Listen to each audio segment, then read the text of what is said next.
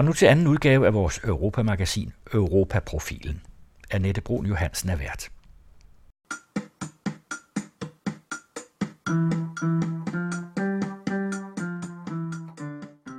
In eight months' time, voters across Europe will judge what we have achieved together in the last five years. In these five years, Europe has been more present in the lives of citizens than ever before. Europe has been discussed in the coffee houses and popular talk shows all over our continent. Today, I want to look at what we have done together. Sådan lød det sidste år, da José Manuel Barroso, formand for Europakommissionen, holdt sin fjerde State of the Union-tale om situationen i Europa. Og her hører du starten af talen ved plenarforsamlingen i Europaparlamentet i Strasbourg sidste år. Om otte måneder sagde Barroso vil vælgere fra hele Europa gå til valgurnerne og bedømme os på, hvad vi har nået sammen de sidste fem år. I de fem år er Europa blevet mere nærværende for borgerne end nogensinde før. Europa er blevet diskuteret på caféer og i populære talkshows på hele kontinentet. Hvordan vælgerne vil bedømme arbejdet i Europaparlamentet vil vise sig om et par måneder. Den 25. maj i år går danskerne for syvende gang til Europaparlamentsvalg. Borgerne i EU's 28 lande vælger 751 medlemmer til Europaparlamentet, og til maj skal danskerne altså stemme vores beskedne 13 repræsentanter ind i det store parlament. Vælgerdeltagelsen har været støtfaldende siden det første direkte valg i 1979, og ved sidste valg i 2009 sattes der bundrekord med kun 43 procent, og det på trods af, at EU's folkevalgte forsamling hen over årene har fået stærkt stigende indflydelse på medlemslandenes nationale lovgivning. Velkommen til anden udgave af Europaprofilen. Programmerne bliver produceret med støtte fra Europanævnet, og mit navn er Annette Brun Johansen.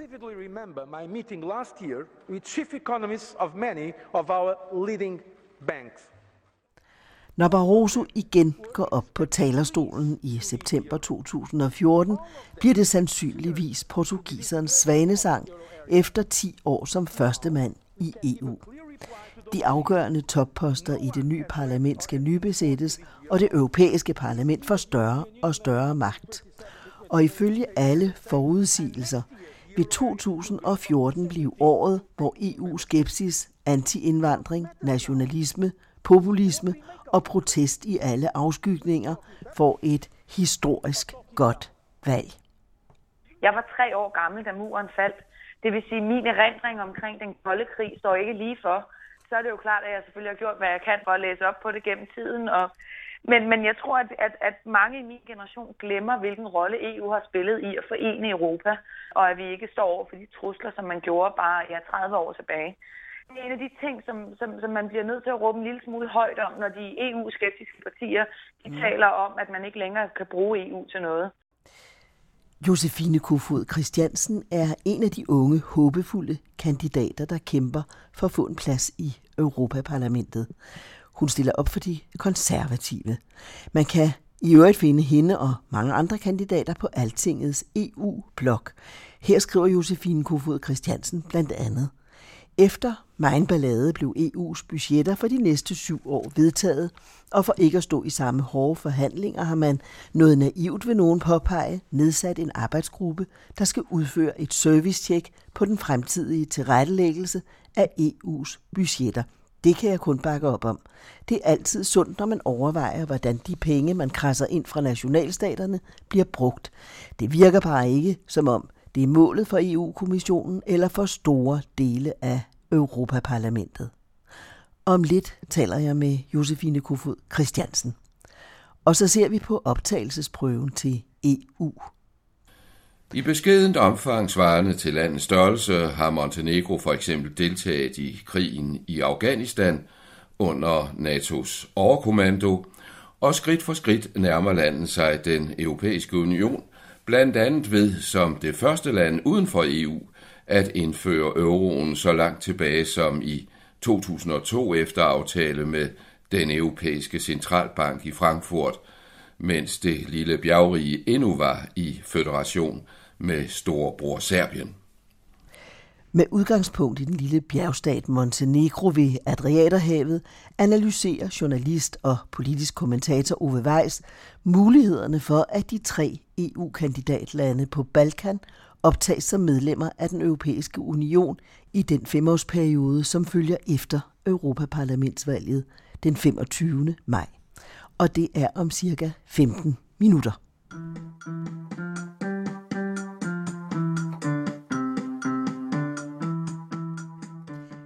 Josefine Kofod Christiansen, i øh, maj i år skal øh, de europæiske borgere til valg om, ja, måske Europas fremtid i virkeligheden. Og du stiller op som øh, kandidat for det konservative Folkeparti. Øh, jeg går ud fra, at du vil svare ja til, om det er et vigtigt valg. Men hvorfor?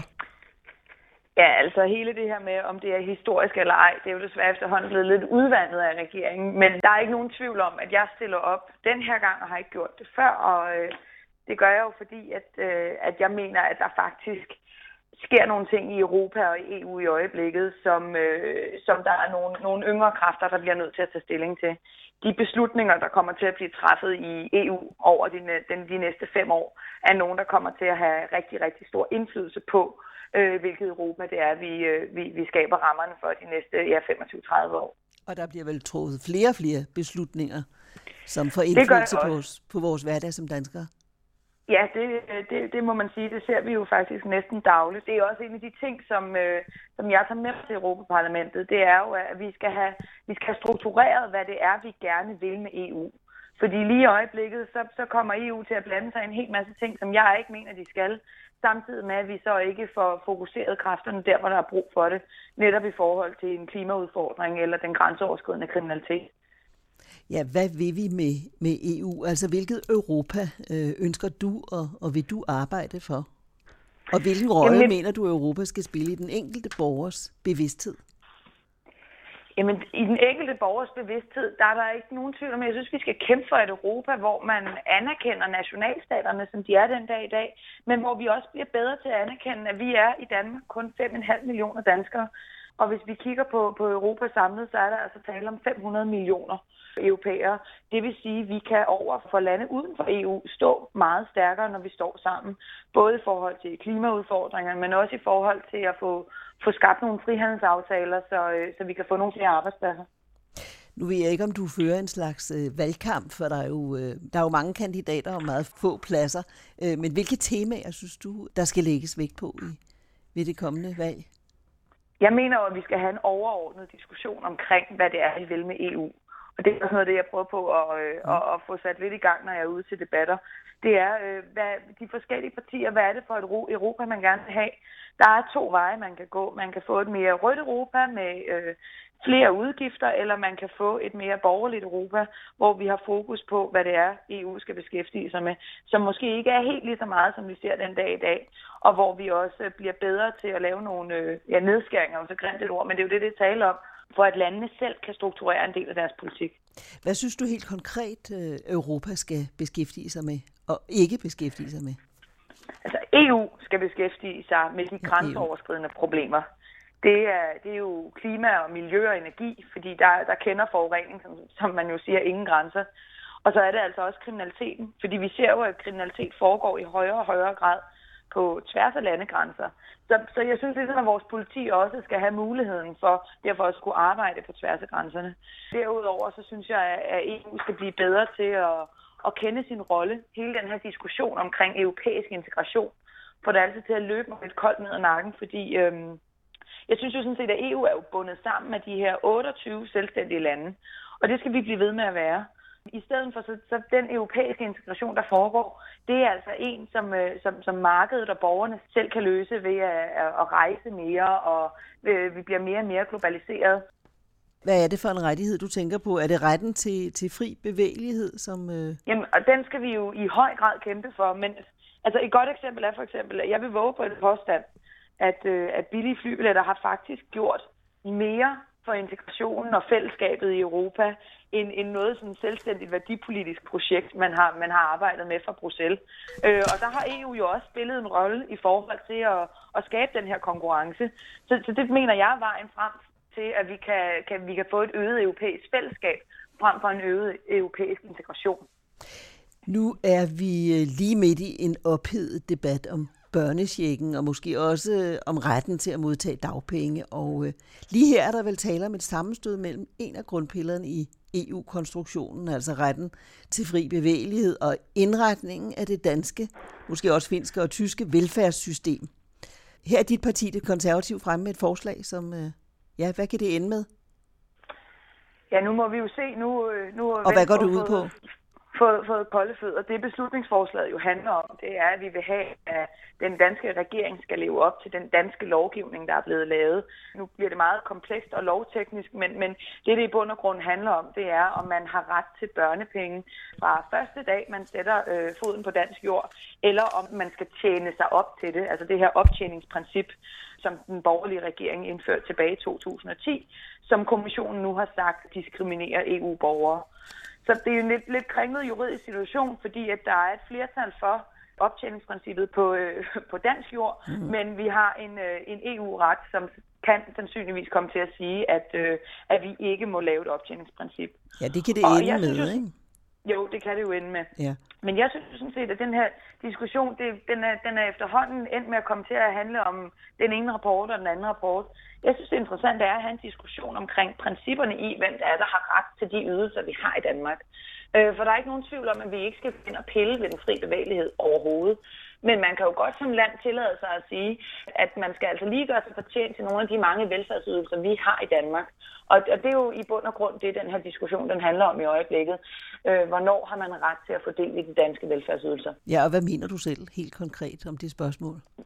Altså, i de bedste af alle verdener, så mener jeg jo, at vi skal bevare optjeningsprincippet, som det er nu med de to år sådan så vi også er sikre på, at det er borgere, som har en interesse i at blive landet, og ikke bare kommer herop og lige øh, får del i velfærdsydelserne, så tager tilbage igen. Vi har jo set flere eksempler på, at østeuropæiske arbejdere bliver, bliver lokket herop med en lavere løn, for så til gengæld, at så får de de her velfærdsydelser. Og det synes jeg er en, en, en forskruet måde at se vores velfærdssystem på. Men kan vi ikke få det optjeningsprincip, som vi jo meget gerne vil, eller bevare det, så synes jeg i højere grad, at vi skal kigge på mulighederne for at lægge det op på, til et fradrag, og så mener jeg, at, mm. at også øh, forhåbentligvis medlemmer af Europaparlamentet efter sommerferien også bliver nødt til at, at presse på i EU-systemet for, at man går ind og finder en løsning. Det, der jo er interessant, det er, at vi står ikke alene med den her udfordring. Både Holland og Tyskland og, og England står øh, med, og Finland og også Finland. for den skyld. Mm. Ja, står jo med, med lignende udfordringer, og, øh, og der har regeringen indtil videre valgt at, at forholde sig passivt, hvor de andre lande har, har prøvet aktivt at tage diskussionen op i, øh, i EU. Josefine Kofod Christiansen, øh, ifølge de fleste forudsigelser vil, vil valgene til Europaparlamentet føre til en markant stigning i opbakningen bag de euroskeptiske partier i forskellige varianter selvfølgelig, og af forskellige grunde. Hvad siger du her til det perspektiv? Det synes jeg, det synes jeg var rigtig ærgerligt. Jeg tror, at, øh, at mange også i sådan den yngre generation har glemt, øh, hvad det er, EU egentlig har været med til at skabe for os. Jeg var tre år gammel, da muren faldt. Det vil sige, at min erindring omkring den kolde krig står ikke lige for. Så er det jo klart, at jeg selvfølgelig har gjort, hvad jeg kan for at læse op på det gennem tiden. Og men, men jeg tror, at, at, at mange i min generation glemmer, hvilken rolle EU har spillet i at forene Europa, og at vi ikke står over for de trusler, som man gjorde bare ja, 30 år tilbage. Det er en af de ting, som, som, som man bliver nødt til at råbe en lille smule højt om, når de EU-skeptiske partier de mm. taler om, at man ikke længere kan bruge EU til noget. Derudover så mener jeg også, at der ja, i de målinger, der er blevet foretaget, ligger en opsang til os EU-positive partier i, at vi simpelthen ikke har gjort det godt nok. Vi har ikke været i stand til at formidle budskabet. Vi har en, en forpligtelse, mener jeg, til at legitimere EU-projektet.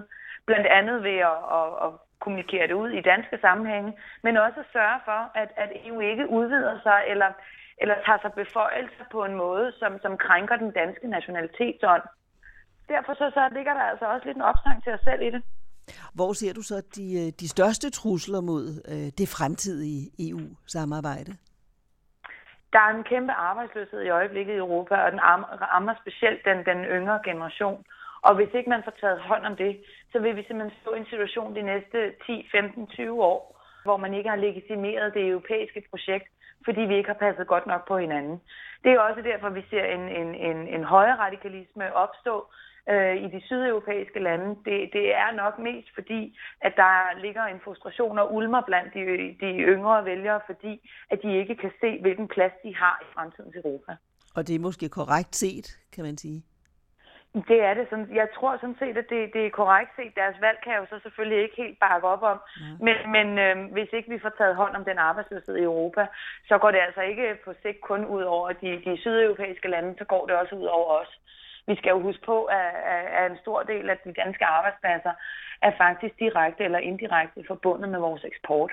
Og det vil sige, at når det går dårligt i de andre europæiske lande, så handler vi ikke nok med dem, og så mister vi også arbejdspladser i Danmark.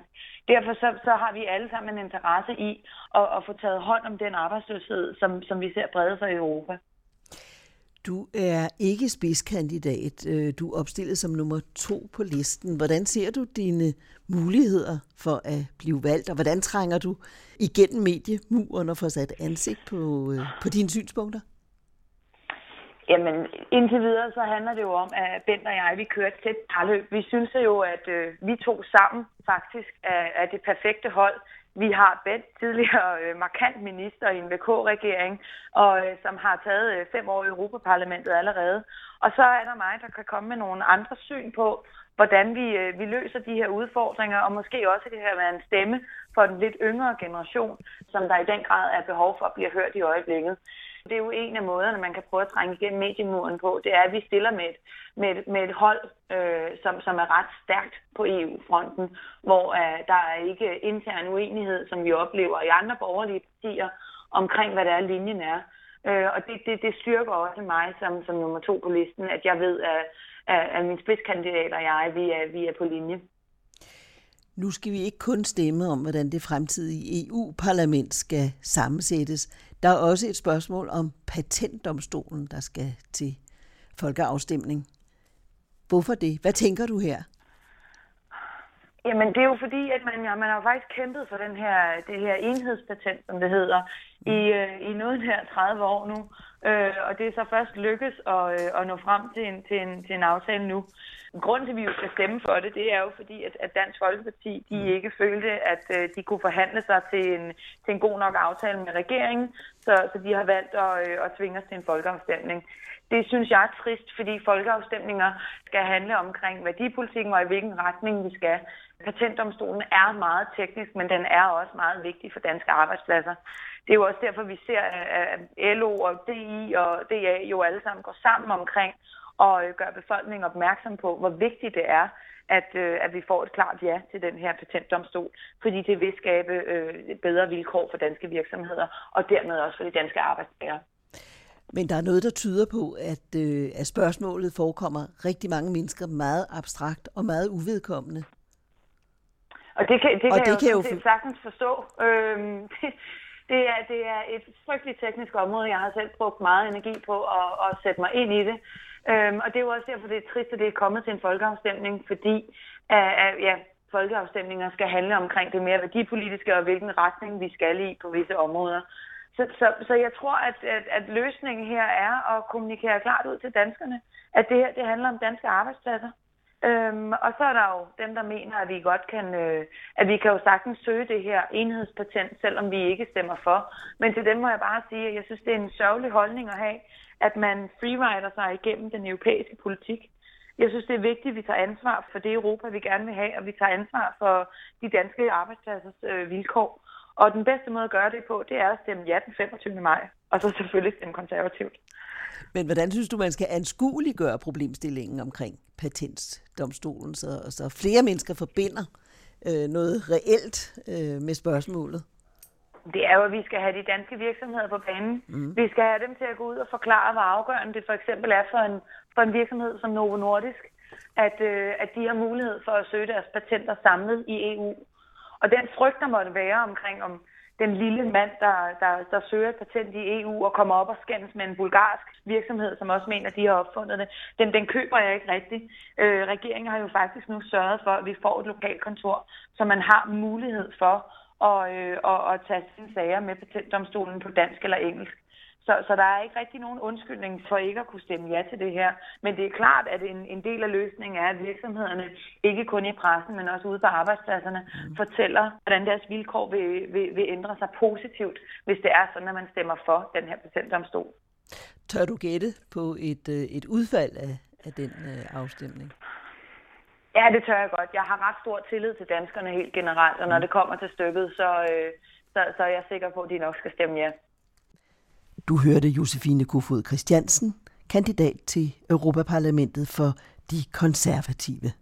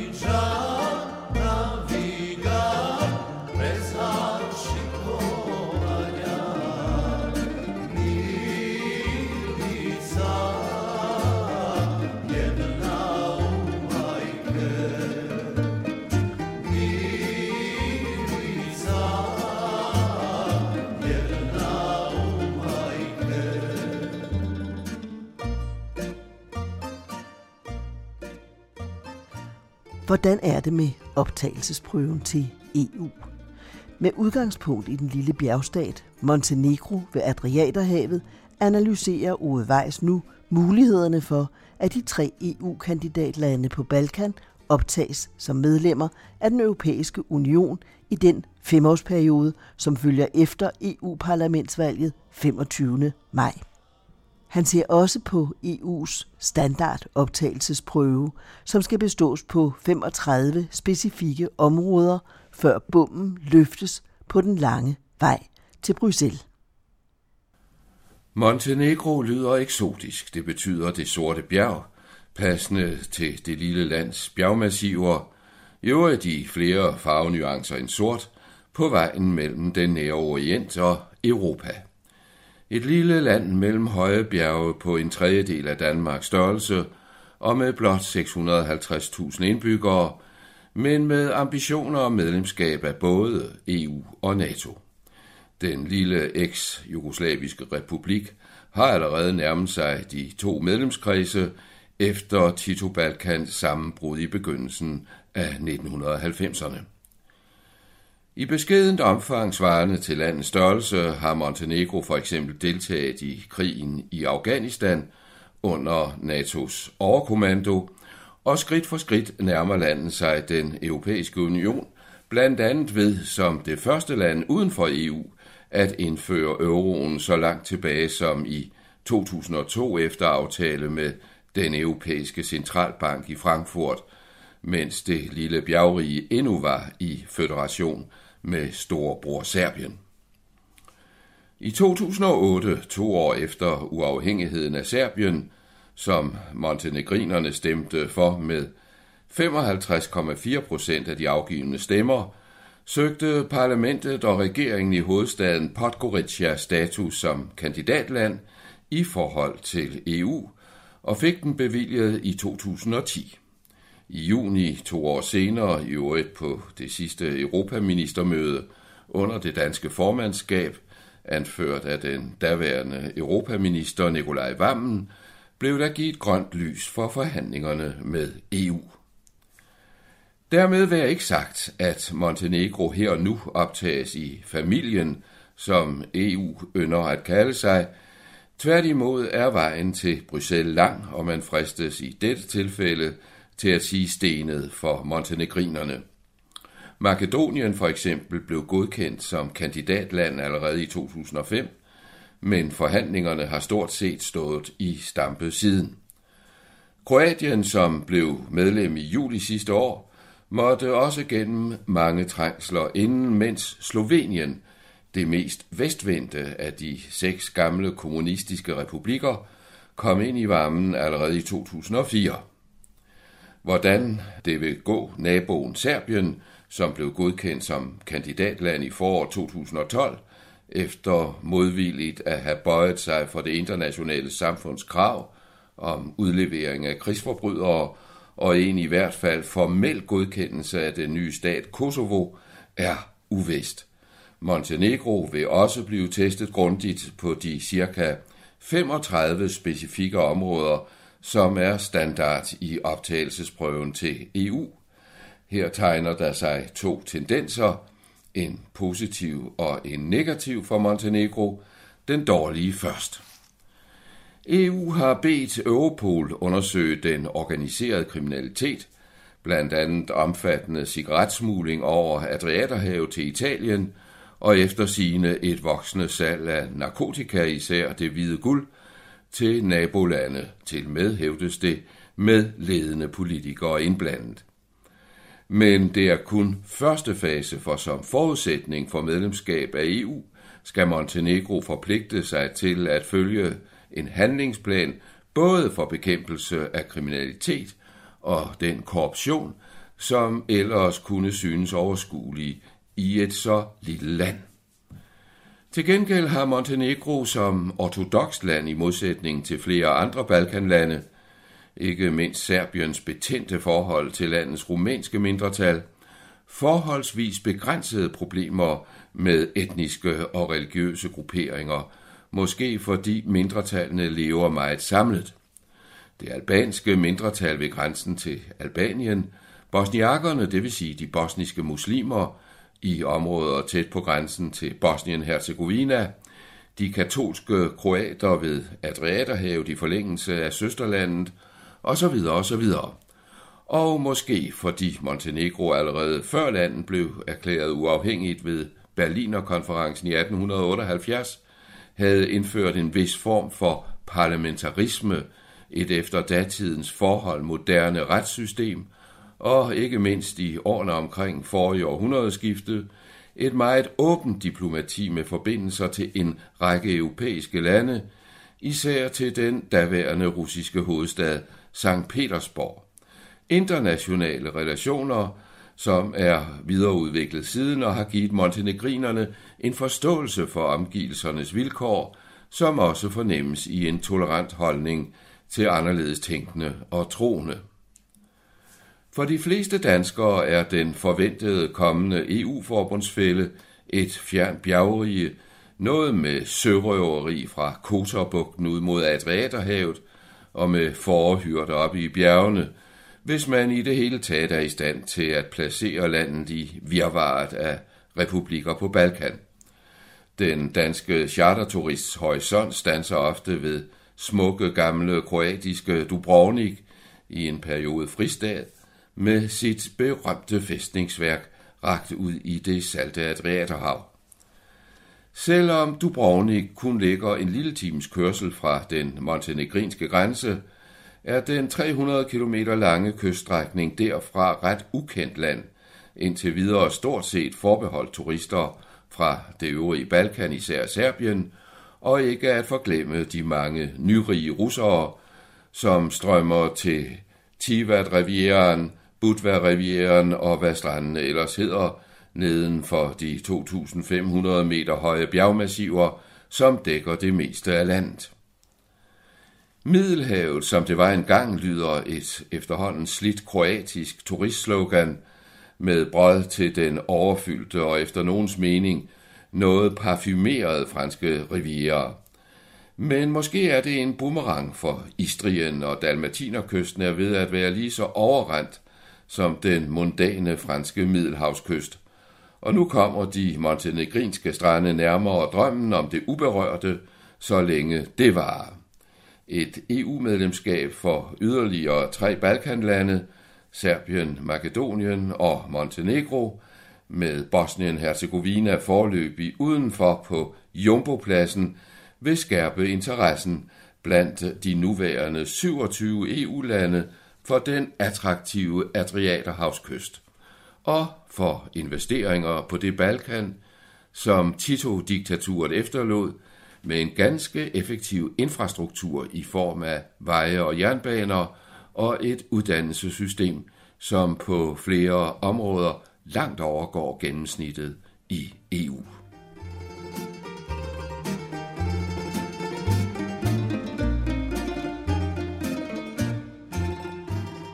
Du hørte her sidst journalist og politisk kommentator Ove Weiss.